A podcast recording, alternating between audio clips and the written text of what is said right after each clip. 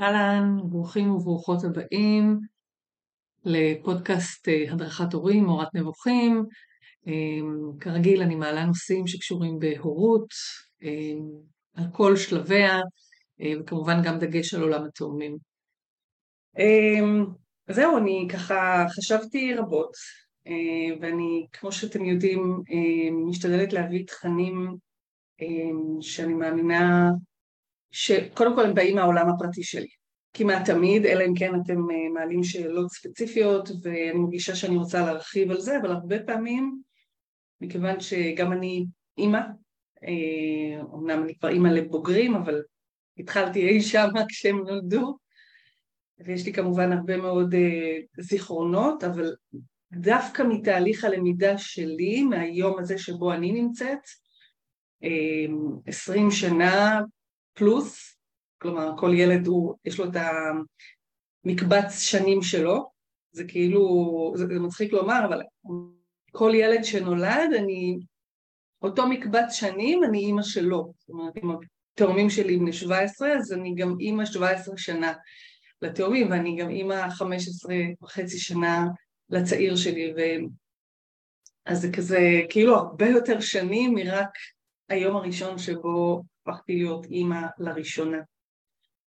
והיום הנושא הזה שאני הולכת לדבר עליו, אמ, על הנושא, בוא נגיד, אחד הקשים בעיניי שיש אה, בחיים שלנו, הן כהורים, אבל אני רוצה גם לקחת אתכם עוד מעט אחורה כילדים, אוקיי? כי, כי זה משהו שאני באמת אה, יודעת לומר לכם שגם על עצמי וגם כאשת מקצוע, שעוסקת בהדרכת הורים, שבעצם באה במגע עם הורים, להבין מה עובר עליהם אה, בהורות שלהם, איך לסייע להם בעצם לשפר ולהיטיב עם מה שהם בעצם אה, עושים, כי, כי, כי הם באים בגלל המצוקה הזאת שלהם, בגלל השאלות שהם שואלים מה אני עושה לא נכון, או מה אני יכול לעשות יותר טוב, כי זה יושב בעצם על המקומות האלה שלנו כילדים ועל החוויות האישיות שלנו שאנחנו עברנו.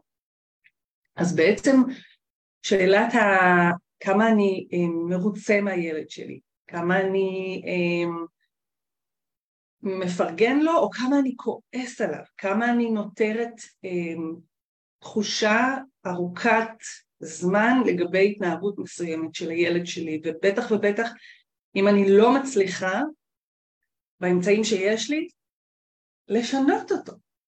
אוקיי? או לשנות את ההתנהגות שלו.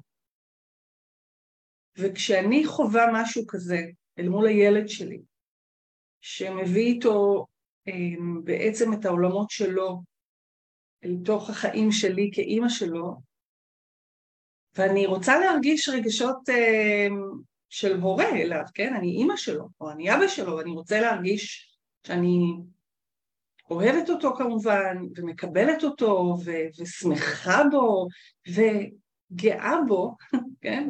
זו מילה כזאת שהיא ככה, יש בה תחושה, אצלי לפחות, מין כזה, למה שאני אהיה גאה כאילו במשהו שהילד שלי עשה, אם הוא עשה את זה, נכון? כאילו, אני רוצה להיות גאה על דברים שאני עשיתי, אבל איזה קטע. הילד הזה, שאני ילדתי, או הילדים האלה שילדתי, הן היצירות שלי, אוקיי? אני יצרתי אותם בעצם. אני יצרתי אותם מתוך, לא משנה מה, הטבע הזה שעוזר לי ליצור ילדים, יחד עם מדענם נוסף, או לא משנה, כן? כדרך הטבע עדיין צריך שם שני חלקים שיתחברו וייווצר משהו, עדיין אני יודעת שאני שמתי בתוך הילד הזה משהו ממני. משהו ממני והרבה ממני, בטח בתור התחלה, קיים בילד הזה או בילדים האלה. והלכתי לדבר הרבה יותר גדול קצת, שאני לא יודעת כמה מכם אה, אולי יבינו כרגע על מה אני מדברת ומיד יתחברו לזה, אבל בעצם אנחנו מקיימים איזשהו מושג מאוד מאוד חזק ועוצמתי מעצם זה שאנחנו אה, מביאים ילדים לעולם ביחד עם בן או בת הזוג שלנו, או באמצעות הפריות, או מה שזה לא יהיה, זה בעצם מאוד מאוד קרוב למושג שאנחנו אומרים, ויברא אלוהים את האדם בצלמו, צלם אלוהים ברא אותו, בצלם אלוהים ברא אותם. אנחנו גם בוראים. זאת אומרת שאם אנחנו הברואים של אותו בורא, אנחנו קיבלנו את הכוחות האלה לברוא גם, כי אנחנו עושים את זה כל הזמן. פה כל מי שכאן איתי ומקשיב ומאזין לי, הבין את הרגע הזה, וזה מתחבר לי גם לא, לא, לאירוע המכונן שהייתי בו אתמול בבוקר, של לראות ולהיות נוכח ולהרגיש את הרגע הזה, עוצמתית וגדולה כל כך. ומי מכם שמסתכל החוצה על הבריאה הזאת של אותו בורא עולם לצורך העניין, או כל אחד יקרא לזה בשם שלו, לא אומר לעצמו, וואו, זה מושלם. הטבע הזה, היופי הזה, כל מה שקורה פה. ובעצם גם, גם אנחנו, שאנחנו, לצורך העניין בסיפור בריאת העולם, הבני אדם נוצרו אמנם אחרונים, אבל בכל זאת הם, הם, יש להם חלק לא פחות משמעותי, כן, לנו, במה שקורה פה על פני הפלנטה הזאת, פני הכוכב הזה, המקום הזה שבו אנחנו נמצאים, אנחנו חלק מהבריאה שלו, וגם מה שאנחנו בוראים בעוד כל מיני צורות, זה חלק מהבריאה שלו, אוקיי? זאת אומרת, יש פה איזושהי יצירה שהיא באה ממקום מסוים, איזשהו נקודה אה, אה, ייחודית שיצרה את העולם הזה. וגם אנחנו, כשאנחנו בעצם בוראים ילדים, אנחנו עסוקים ביצירה המשותפת הזאת של בריאה, אנחנו יוצרים יצירה אלוהית בעצם. ואתם בטח זוכרים גם את הרגעים האלה שהילדים נולדו, ומסתכלים עליהם. אומרים, וואו, זה מושלם. גם אם בהתחלה, אני יכולה להגיד גם באופן אישי, שחלקם אה, קצת מקומטים, ובטח ובטח כשהם מיד אחרי הלידה אז יש עליהם גם כל מיני אה, נוזלים והפרשות וצבעים שונים, אבל ניקח את ה... כמה שעות אחר כך, כמה ימים אחר כך, אולי כמה שבועות אחר כך, ואנחנו מתחילים לראות את ה... את המושלמות הזאת. אנחנו מסתכלים על היצור הקטן הזה, האלוהי הזה, שיש בו את כל החן וכל החסד וכל הטוב והמופלא הזה ש, שקיבלנו כבעלי כוח לברוא, אנחנו מסתכלים על הדבר הזה, ואגב, מי שגם אוהב בעלי חיים יכול לראות את זה מאוד מאוד גם על בעלי חיים, את, ה, את הקסם הזה שמסתכלים על חתול או על כלב או על כל בעל חיים שאפשר לצפות בו, ציפורים או לא משנה מה, שאפשר לראות את, ה, את ה-whole piece הזה, את היצירה השלמה הזאת. וככה אנחנו גם מסתכלים על הילדים שלנו. ותאמינו או לא, אבל כשילד נולד לעולם, הוא נולד עם הבנה, אוקיי? שהיא לא מתומללת, אנחנו לא יכולים לשאול אותו, אבל אנחנו יודעים שהוא מבין ומרגיש שלם ואף מושלם. אין לו שום חוויה של משהו לא בסדר בי. שום דבר. ואיך אנחנו יודעים את זה? אנחנו יודעים את זה כי הוא מביע את עצמו, לא משנה באיזה דרך, אין לו שום עכבות על האופן שבו הוא דורש את מה שהוא דורש, קרי לאכול, לקבל אה, מגע, להיות מוחזק, להיות מטופל, להרגיש תחושה של הנאה. והוא עושה את זה, או היא עושה את זה, התינוקת הזאת, בכל דרך אפשרית.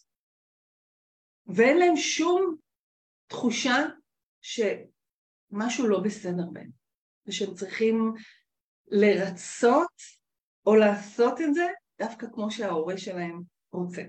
אני בכוונה רגע מתרכזת בנקודת זמן הזאת של הקטנות הזאת, של הינקות הזאת, שבה אנחנו מגלים כמה באמת התינוקות שלנו פשוט דורשים מאיתנו.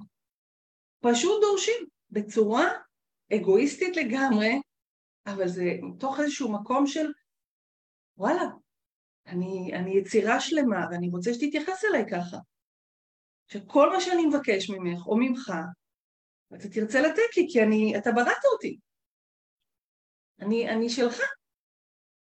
אגב, גם פתאום עולה לי מחשבה שגם כשמאמצים ילד, אז זאת בריאה של מחשבה, גם אם היא לא בריאה פיזית, זאת בריאה של מחשבה של אני רוצה ילד ואני לוקחת אותו ואני מאמצת אותו ואני הופכת אותו לילד שלי, אז גם אם הוא לא ילד ביולוגי, הוא עדיין יצירה שלי. במידה מסוימת יצרתי אותו במחשבה שלי ואני קיבלתי אותו. ואני מסתכלת וזה דבר מופלא. ולכן אני גם רוצה להעניק לו. אני רוצה לתת לו, וגם כל מה שהוא יביא אני אקבל באותו רגע. והנה פה מגיע הרגע הזה שבו באמת קשה לי. אני לא מוכנה לקבל הכל.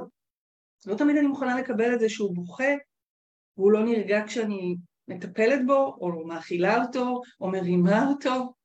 שם מתחיל הצדק הראשון הזה בחוויה ההורית להיות בעצם משהו בתוך ההוויה הזאת של נכון, יש פה את יצירת הפאר שלי, את הדבר הזה שהכי רציתי בעולם, ושאני מתפעלת שהוא בא ממני, ואני רוצה אותו כל כך, ויש לו חיבור לאהבה שלי, ו- והכל, בסדר? כאילו, אני מדברת פה כמובן על המצב האופטימלי, אבל מתחיל להיות שם הסדק הזה שאומר, אבל, אבל הוא לא, הוא לא כל הזמן מספק את הסחורה, הוא לא כל הזמן חמוד, הוא לא כל הזמן uh, מחייך אליי.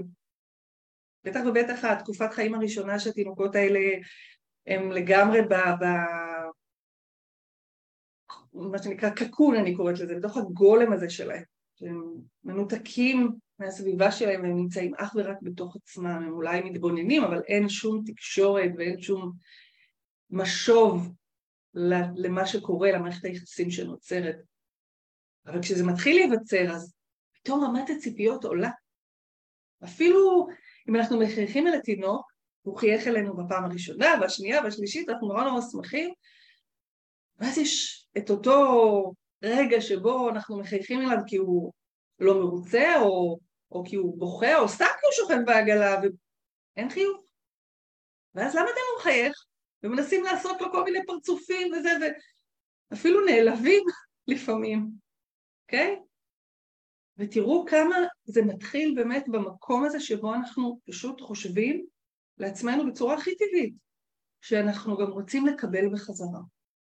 שיש איזשהו רצון למשוב כלשהו מתוך הנתינה שלנו.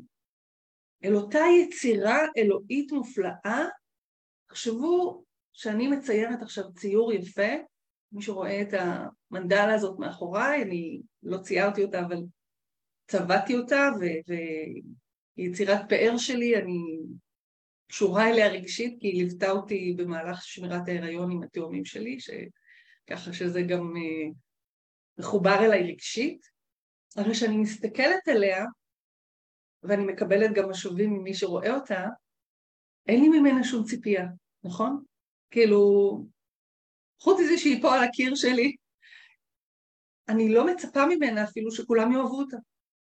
לא כל מי שנכנס לתוך הקליניקה אומר משהו עליה. כשמישהו אומר אז אני שמחה, אני גאה, אבל לא כל אחד שם לב אולי, זה לא כל כך uh, מדבר לכל אחד, ואולי יש מישהו שמסתכל ואומר לעצמו בלב, וואלה, לא נראה לי.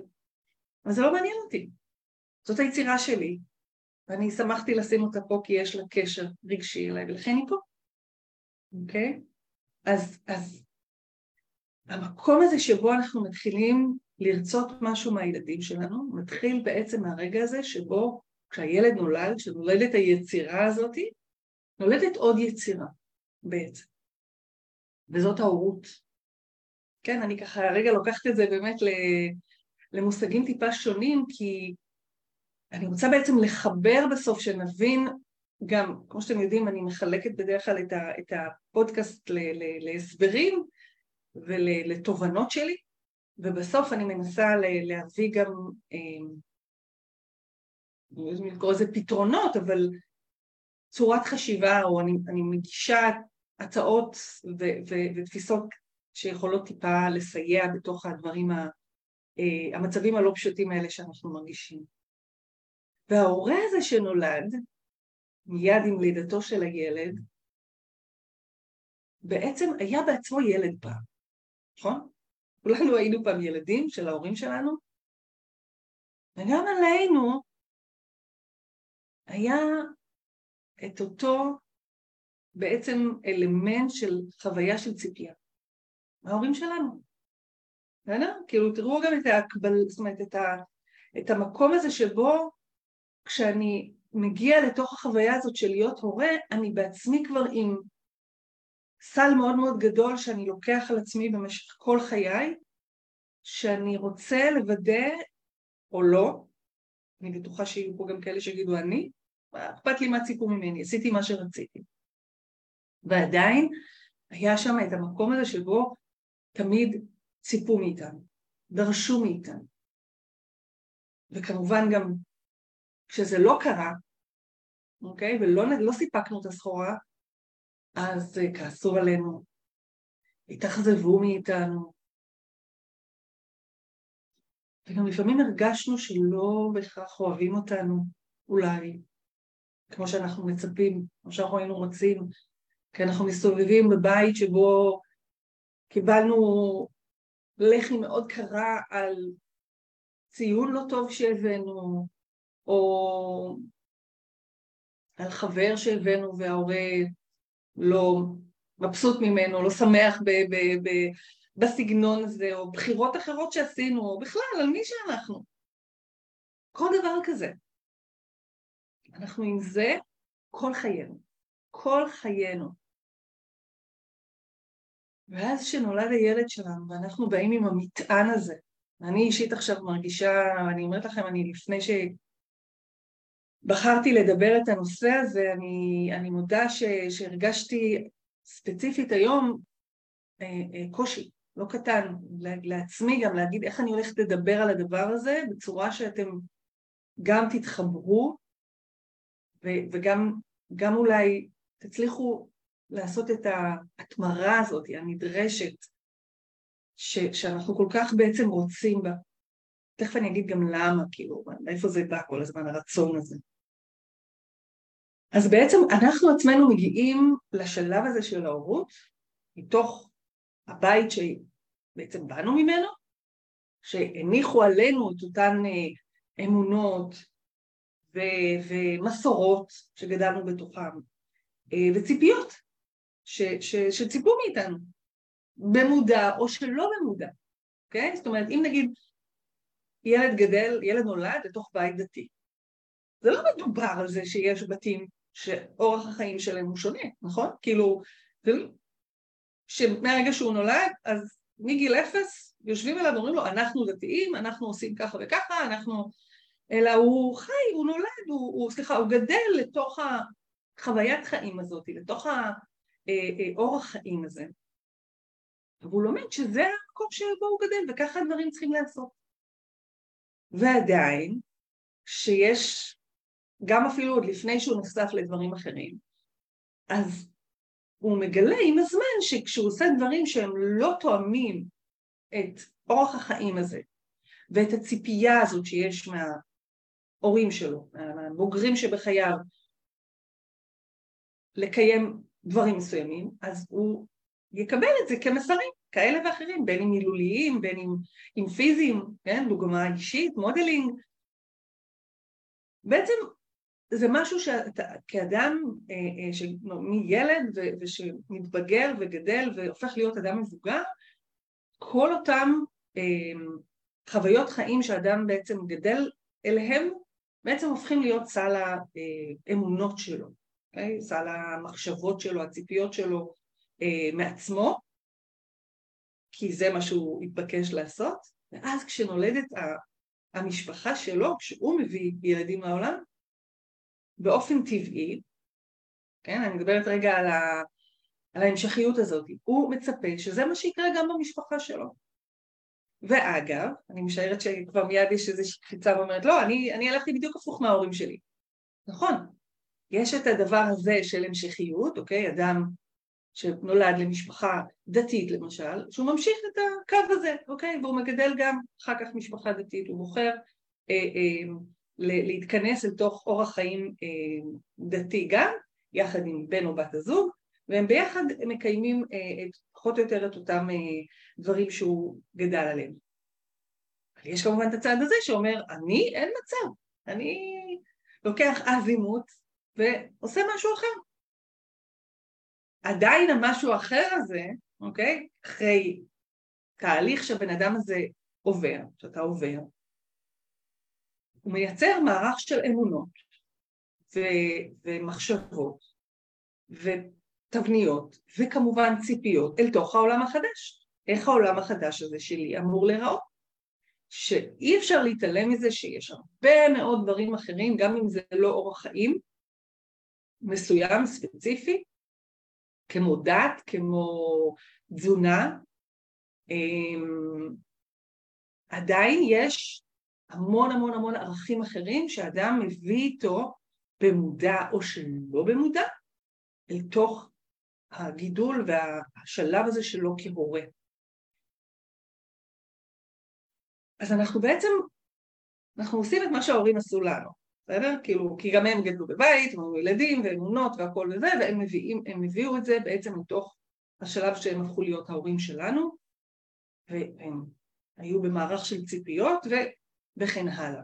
אבל פה אני רוצה רגע לעצור שנייה ולזכור, להזכיר לכם בעצם, דיברנו על היצירה האלוהית הזאתי, שמעבר לזה שהיא כאילו יצירה שאנחנו יצרנו, אנחנו רוצים להאמין שאנחנו יוצרים, אבל תזכרו רגע כשאנחנו רואים את התינוק הקטן הזה, ואנחנו שואלים את עצמנו למי הוא דומה, ולקח את העיניים מזאת, ולקח את האוזניים מסבתא, ולא משנה מה, ואנחנו מסתכלים, רק, יש לנו בעצם רק איזשהו vision חיצוני, שאנחנו יכולים לשים עליו איזה שהן ציפיות מסוימות, אוקיי? הוא בטח יגדל והוא יראה ככה, והוא...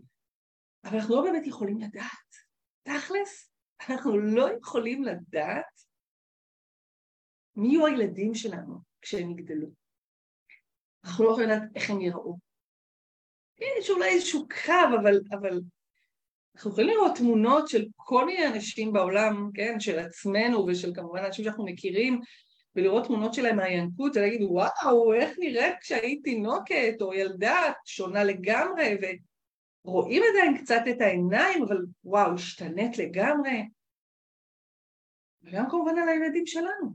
אנחנו איתם, אז אנחנו אולי לא שמים לב ב-ongoing, אבל אפשר לראות את זה כמובן דרך התמונות ולהתפעל ולהגיד, וואו, איך הוא גדל ו- והשתנה ויש לו עכשיו ככה מראה ברור יותר, הוא נראה בן, היא נראית בת, כל מיני אמירות שיש לנו על המראה החיצוני. אבל מה עם החלק הפנימי הזה? מה עם מי שאנחנו באמת? מה עם המקום הזה, המופלא הזה, שאי אפשר לדעת מה יש בתוכו באמת, כמו מה הוא נראה. וזאת בעצם חידת החידות. איך התינוק הזה, שהיום הוא תינוק וקטן, וכל מה שאנחנו רק רוצים זה לראות איך הוא ייראה, אבל אנחנו גם רוצים לדעת איך הוא יהיה, מי הוא יהיה, איזה בן אדם הוא יהיה. זאת אומרת שכבר שמה במחשבה הזאת אנחנו מודעים לזה שהוא, שיש לו את ה-DNA שלו. אני קוראת לזה DNA למרות שכאילו זה, זה חלק פיזיולוגי, אבל בתוך ה-DNA, בתוך הסלילי DNA, יש גם את ה... בסופו של דבר את המרכיבים האישיותיים. יש את החלק הזה שאיתו האדם בא לעולם. הנשמה הזאת באה לעולם עם המכלול הזה שמבדיל אותה ומייחד אותה מכלל האנשים בעולם. הרי אין אדם אחד דומה למשנהו. אין. גם תאומים זהים שיש לכם, אתם יודעים לומר בוודאות שהם שני אנשים שונים, שהם מחזיקים בתכונות אופי שונות. איך זה קרה? איך זה קרה? זאת ביצית שהתחלקה לשתיים, נכון? מופלא, מופלא, מופלא, מופלא, שגם מהדבר הזה, שבעצם כאילו מ-DNA זהה, נוצרים שתי, נוצרות שתי ישויות שונות לגמרי. זה, זה, זה קסם. זאת אומרת, אם אני לוקחת רגע את ההבנה הזאת, ש, שמעצם המהות, שעם היצירה הפיזית הזאת שאנחנו יצרנו, יצירות כוחות הבריאה הזאת שיש בתוכנו, ביצית וזרע, וה, והחיבור הזה והיכולת של גוף האישה לשאת את התינוק ולהזין אותו ולגדל אותו בתוכה ואז ללדת אותו, עדיין יש שם איזה רוח כזאת שמגיעה פנימה, והיא זאת שיוצאת אל העולם. וזאת איזושהי רוח, זאת איזושהי, זה, זה ספיריט, מי שמכיר את המושג הזה, שאנחנו לא יכולים לשנות אותו. זה מי שהוא, זו מי שהיא. זה הקסם הזה. אבל אנחנו לא יודעים את זה בהתחלה. והחלומות שלנו והמאוויים שלנו, כמובן כל סל האמונות והמסורות והמנהגים והציפיות שלנו, נכנס לתוך המערכת הזאת שנקראת משפחה, שנקראת הורות. אנחנו רוצים לבנות את הדבר הזה קצת בצלמנו ובדמותנו, הרבה אולי אפילו.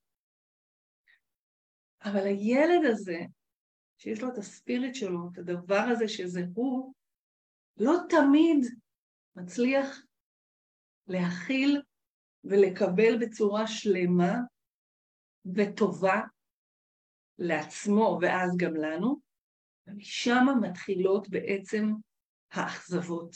שם נוצרים עוד ועוד ועוד סדקים ביצירה הזאת שאנחנו מסתכלים עליה, ואנחנו מתחילים, ככל שהזמן עובר, לגלות שלילד הזה יש רצונות משלו, יש לו כמובן תכונות אופי, יש לו איזה say, יש לו איזשהו מקום פנימי חזק שאצל חלק, אני לא אומרת, זה לא אצל כולם וזה לא גם כל הזמן, לא חייב להיות כל הזמן, אבל מספיק שיש מצבים מסוימים שאנחנו יודעים ואנחנו מרגישים, כן, שיש לנו התנגשויות עם הילד שלנו, עם הילדה שלנו, שזה לא מתקיים, שזה לא מתממש כמו שאנחנו רוצים באותו רגע, שם גם נולדת האכזבה. והחוויה הזאת היא חוויה לא פשוטה, תאמינו או לא, לשני הצדדים. גם לכם, אבל גם לילד שלכם או לילדה שלכם.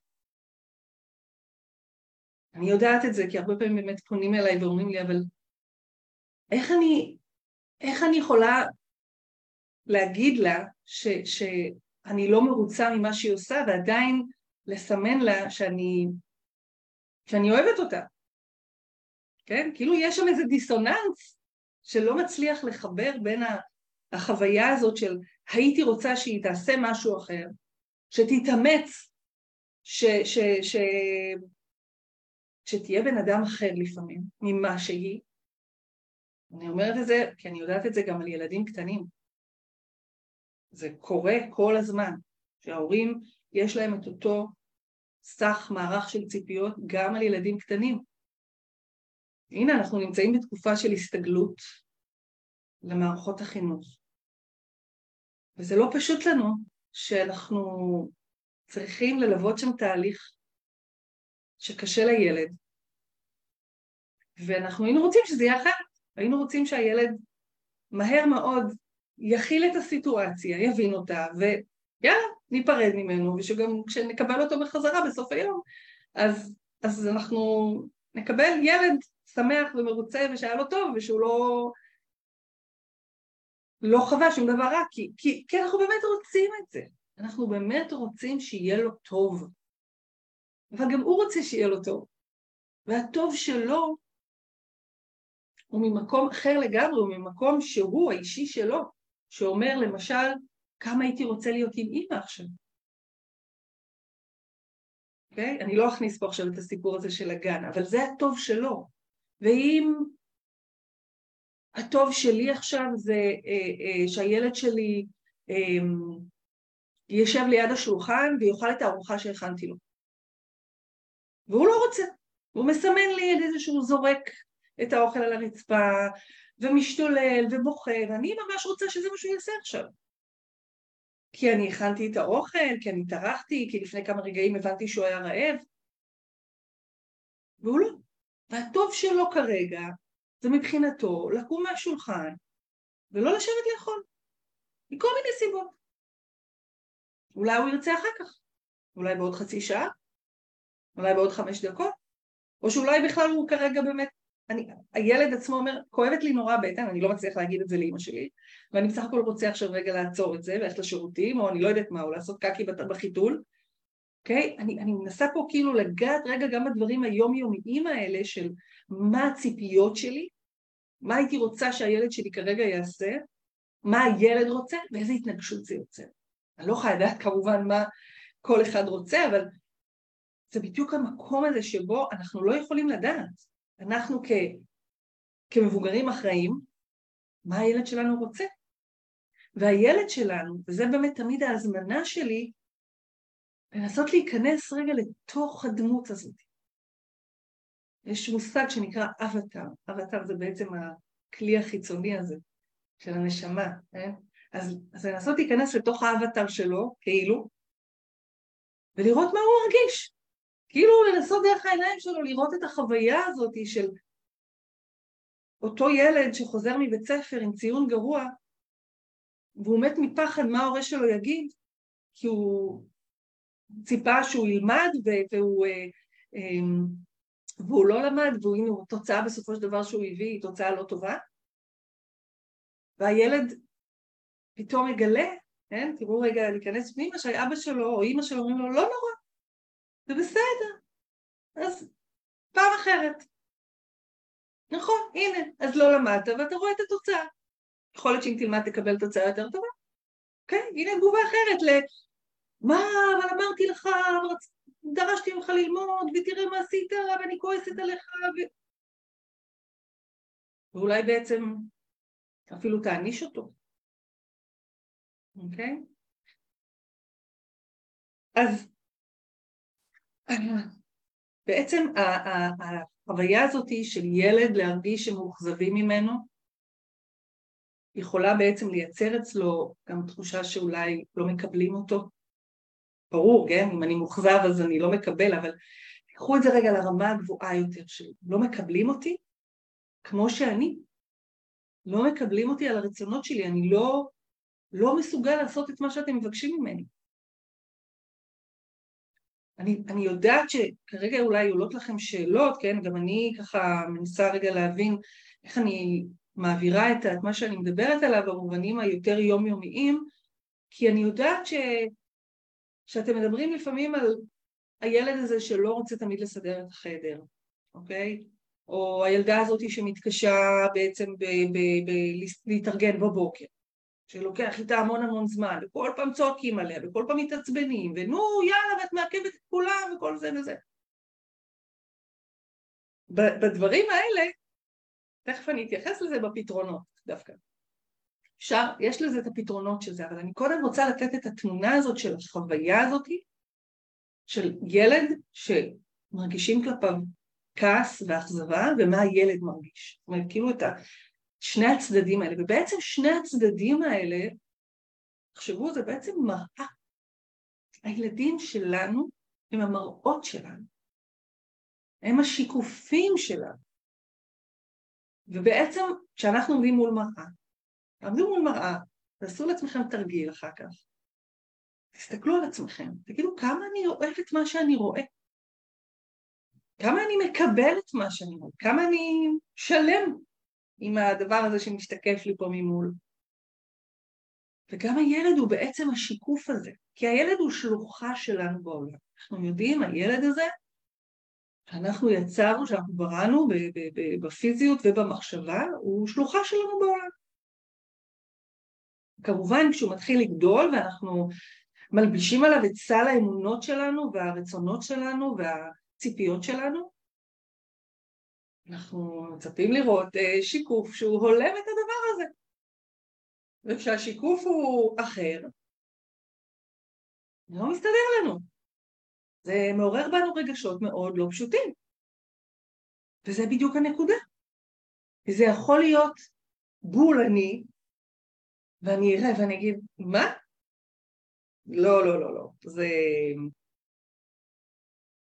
לא לגמרי מה שציפיתי שיקרה, כן? כאילו מה, הילד הזה כל היום יושב בבית ספר, בלימודים שלו, לא עושה שום דבר אחר כך שהוא בא הביתה, על המחשב. אמ, וציפיתי שיהיו לו מלא חברים, אני כל הזמן מזמינה ילדים הביתה, ואני עושה מסיבות, ואני אה, אה, מארגנת לו מפגשים, והוא כל הזמן עם החברים שלו, ובעצם גם אני הייתי כזאת. אז אני רואה את השיקוף שלי, וזה לא קל לי לראות את התמונה הזאת. כמובן, התמונה ההפוכה זה obvious, כמה קשה לנו שהילד הזה מביא לנו בול את הנגטיב שלנו. ואנחנו לא ממש היינו רוצים לראות את הדמות ההפוכה למי שאנחנו היינו. זה מצייר לנו את הדבר הזה שאנחנו אולי לא אוהבים גם. אפילו בהפוך על הפוך. אוקיי? זה נורא מבלבל להבין שבעצם השיקוף הזה הוא בא ללמד אותנו על משהו שמתחולל בתוכנו. זה לא הילד הזה. הילד הזה בסופו של דבר הוא יגדל, הוא יהפוך להיות אדם בוגר, כך או אחרת. עם כל סך הדברים שאתם תיתנו לו ותעבירו לו ותלמדו אותו ותצפו ממנו, הוא יהפוך להיות מי שהוא יהפוך להיות. ואתם יודעים, תסתכלו רגע על עצמכם מאיפה שבאתם, תסתכלו על האחים והאחיות שלכם, ותראו כמה אתם שונים זה מזה. כמה הבית המסוים הזה שכולכם גדלתם בו, ואני אומרת את זה כי אני רואה את זה על עצמי, בסוף הוליד, כן? אנשים שונים. שלושה, ארבעה, חמישה, עשרה אנשים שונים, לגמרי. אוקיי? Okay? אז מה עושים? אני אוהבת כן גם לתת את האינפוט הזה. ראשית אני דווקא אתייחס למקום שהוא כאילו קצת אה, באמת אישי, כי אני עושה את זה למעשה הרבה מאוד שנים ואני למדתי את זה תוך כדי תנועה להבין שהורות היא פלטפורמה להתפתחות אישית. אני יודעת בוודאות שאם יש איילת בעולם מקביל שלא ילדה ילדים, היא אדם אחר לגמרי, וסביר להניח הרבה פחות מפותח. כי הורות מפגישה אותנו עם החלקים האלה שאנחנו צריכים שוב ושוב להתבונן עליהם ולעשות איתם עבודה וזה מה שעוזר לנו בעצם לעלות מדרגה ועוד מדרגה ועוד מדרגה ולהתפתח ולצאת מהמקום הזה שאנחנו מתבוססים בו לפעמים, לא מעט שנים. Okay? אוקיי? אז זאת בעצם הזמנה לצמיחה, זאת הזדמנות לצמיחה. איך עושים את זה? וואו, יש אין סוף דרכים, אין סוף דרכים מקריאה של, של ספרים, דרך האזנה לפודקאסטים מצוינים היום באמת. הרשת מלאה בדברים. אני מאזינה בלי סוף לתכנים שונים ומגוונים של אנשים ש... כמו שאני נותנת לכם ערך, אז אני מאזינה גם לאנשים אחרים שנותנים לי ערך אדיר. ותמיד אני מוצאת איזה משהו שיכול לעזור לי להתפתח, ותאמינו או לא, בהרבה מאוד מהפודקאסטים שאני מאזינה להם, תמיד יש חיבור למערכות היחסים האלה של הורים וילדים. זה מטורף. זה, זה פשוט מטורף להבין כמה באמת זו נקודה רגישה בחיי האנושות הזאת, החברה האנושית הזאת. וכמובן, מפגשים אישיים עם אנשים, תהליכים שאפשר לעשות בקבוצות או בפרטים, אחד על אחד, okay? אוקיי? הדבר השני זה באמת אם אנחנו מרגישים שיש פה אישיו בינינו לבין ילד אחד, שאנחנו מרגישים שהוא לא נותן את הסחורה, בדרך כלל זאת, משם זה מגיע, הרצון להדרכת הורים, אוקיי? לאיזושהי התכנסות לתהליך, בדרך כלל, של למידה ו- וקבלת כלים כמובן, כדי בעצם גם להבין את התמונה השלמה הזאת. אוקיי? כי מה שאני פה לימדתי אתכם היום, או מה ששוחחתי עליו יותר נכון, זה בעצם חלק מתהליך שאני עושה גם בתוך ליווי והדרכת הורים. כלומר, להבין את הניואנסים הקטנים האלה, על מה זה יושב, ותאמינו לי שלפעמים עצם ההבנה הזאת רק משחררת את, ה... את הבלוק הזה, okay? אוקיי? את הכאב הזה. וכשהכאב הזה מתפוגג ומשתחרר, אני יכולה גם לראות את זה בסופו של דבר במציאות שלי, כשמשהו משתחרר, כשאני מבינה מה השיקוף הזה מולי אצל הילד שלי, ואני מסירה את הציפיות ואני באה בהכלה מלאה לסיטואציה, באמפתיה מלאה. הצלחתי לקבל גם את הכלי הזה, וזה כלי שאני מלמדת אותו בהדרכת הורים בהחלט. פתאום הסיטואציה מול העיניים שלי, אצל הילד שלי, משתנה לגמרי, זה מדהים, ממש קסם. הילד הזה בעצם בא ללמד אותנו משהו, והצלחתי לעשות את זה כשאני שחררתי בתוכי משהו על ה... באותה עבודה מסוימת ש... שאפשר לעשות באמת בליווי כזה בהדרכת הורים. דבר נוסף זה באמת לזכור, כשאנחנו מסתכלים על הילדים האלה, שאנחנו כועסים עליהם, מאוכזבים מהם, או לחילופין כשאנחנו מרגישים כל כך רע ש... שזה קרה ואנחנו לא יודעים איך אנחנו יכולים לשנות את זה.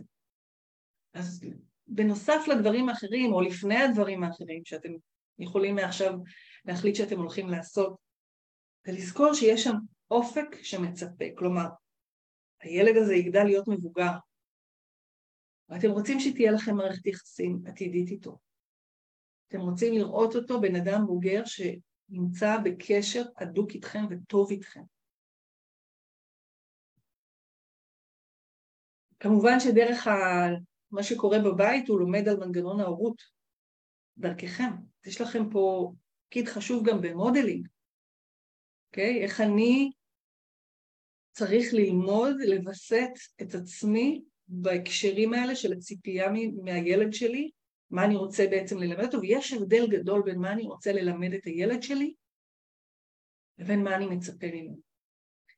כי תראו, כשאנחנו זורעים זרע באדמה, בעציץ או לא משנה מה, של משהו מסוים, ואנחנו אפילו לא יודעים מהו, בסדר? אני אתן לכם עכשיו זרע, אני אגיד לכם תזרעו אותו באדמה, ותתחילו להשקות אותו. אני אתן לכם אפילו קצת הוראות, תנו לו דשן כזה, שימו אותו באור, שימו אותו בצל, אני אתן לכם את ההוראות אפילו, אני, כי אני יודעת מה יש בפנים, אתם לא. ואתם תעשו את הדבר הזה, ויפרח לכם, כלומר ינבוט הזרע הזה, ויהפוך להיות צמח כלשהו, שיניב פירות, שייתן פרח, שיהיו לו עלים בצורה מסוימת ובצבע מסוים. אתם לא יכולתם לשנות את מה שהצמח הזה בסוף רצה להיות, אבל אתם נתתם לו את מה שנתתם לו בטיפול בו. וזה מה שעזר לו, כן, להיות מה שהוא. זה אותו דבר גם עם הילד. אתם נותנים לילדים שלכם ערכים, ואתם מלמדים אותם דברים, ואתם מפמפמים להם, אוקיי? Okay? כמו מים על סלע. אנחנו עושים את הדברים, אנחנו לא בהכרח נראה תוצאות מיד. זה האופק שאני מדברת עליו. אנחנו לא נראה תוצאות מיד. וכמובן כשאנחנו מלמדים את הילד על המנגנון הזה של הורות, ואנחנו מלמדים אותו על הבית הזה שלו, שממנו הוא בא, יהיה לו גם בית לחזור אליו. אני מדברת מתוך איזשהו כאב אישי כרגע על סיפור שאני מכירה מקרוב מאוד, על אבא שמאוכזב מהילד שלו והזמין אותו לצאת, מה שנקרא, אני אומרת את זה בשפה יפה בגלל שהוא לא הצליח לקבל את זה שהילד שלו מתנהג אחרת ממה שהוא רצה. ואני אומרת את זה כאימא לבוגרים. יש לנו הרגשה שכשהילדים שלנו קטנים, אנחנו בשליטה מלאה על המצב.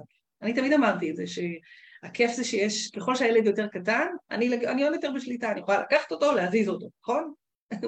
אני יכולה להרים אותו, אני יכולה להעביר אותו למיטה אחרת, אני יכולה, הכל אני יכולה לעשות איתו, וככל שהזמן עובר, אני פחות ופחות יכולה לעשות דברים שישפיעו בצורה ישירה, פיזית, וגם לא מילולית, על המצב. זה הולך ונכנס עמוק עמוק יותר לפה וגם לפה. והמחשבה הזאת על האופק הזה שמצפה בעתיד הלא מאוד רחוק, כי הזמן הזה עובר ככה. שיש לי פה ילד או ילדה או ילדים שהייתי רוצה שהם ידעו שיש לו בית לחזור אליו.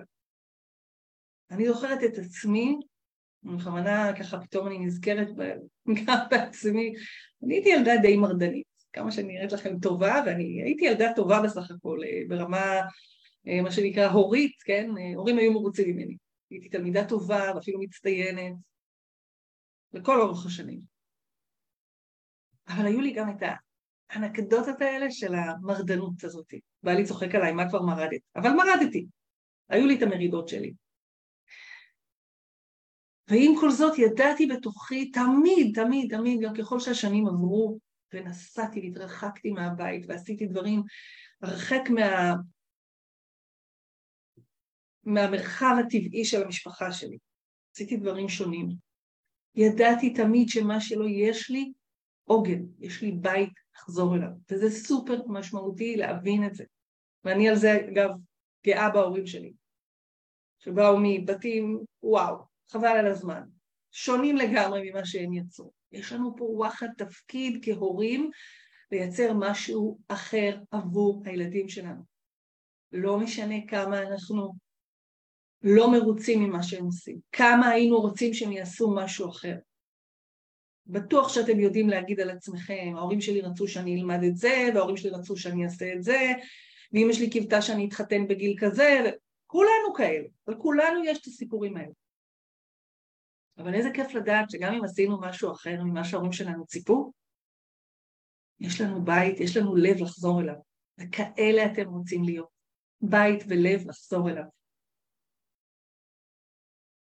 ולסיכום, היה לי ארוך היום, אבל באמת זה היה נושא שהייתי חייבת ככה להעביר המון המון מסרים, ואני אה, אסכם אותו, שבעצם כדי שאדם יצמח שלם ובטוח בעצמו, אני כתבתי את זה לעצמי כדי לא לשכוח, הוא צריך להרגיש שסומכים עליו, בוטחים בו, גאים בו, מאמינים בו. גם אם אנחנו לא מרוצים מזה באופן אישי, ולא מה שהיינו רוצים שהילד שלנו יעשה, כי אולי הוא בעצם יכול להגשים חלום שאנחנו לא הגשם. או כי אולי זו הייתה דרך חיים שלנו, ואנחנו רוצים שהילד ילך בדרכנו. ממש לא. אם הוא ירצה ללכת בדרכנו, זה כי הוא ירצה ללכת בדרכנו, לא כי אנחנו רוצים את זה. אוקיי? אני סופר באמת ככה אה, אה, חייבת להגיד שאני אה, עדיין מתרגשת מלדבר על הנושא הזה כי באמת הוא ממש ככה בימים האלה, ברגעים האלה מאוד מאוד נוגע לליבי מהבחינה הזאת של הבנה של היכולת הזאת להפריד ילד ממך כי הוא לא מילא את הציפיות שלך. וזה קשה מאוד וזה מטלטל להבין ש, ש, שזה יכול לקרות.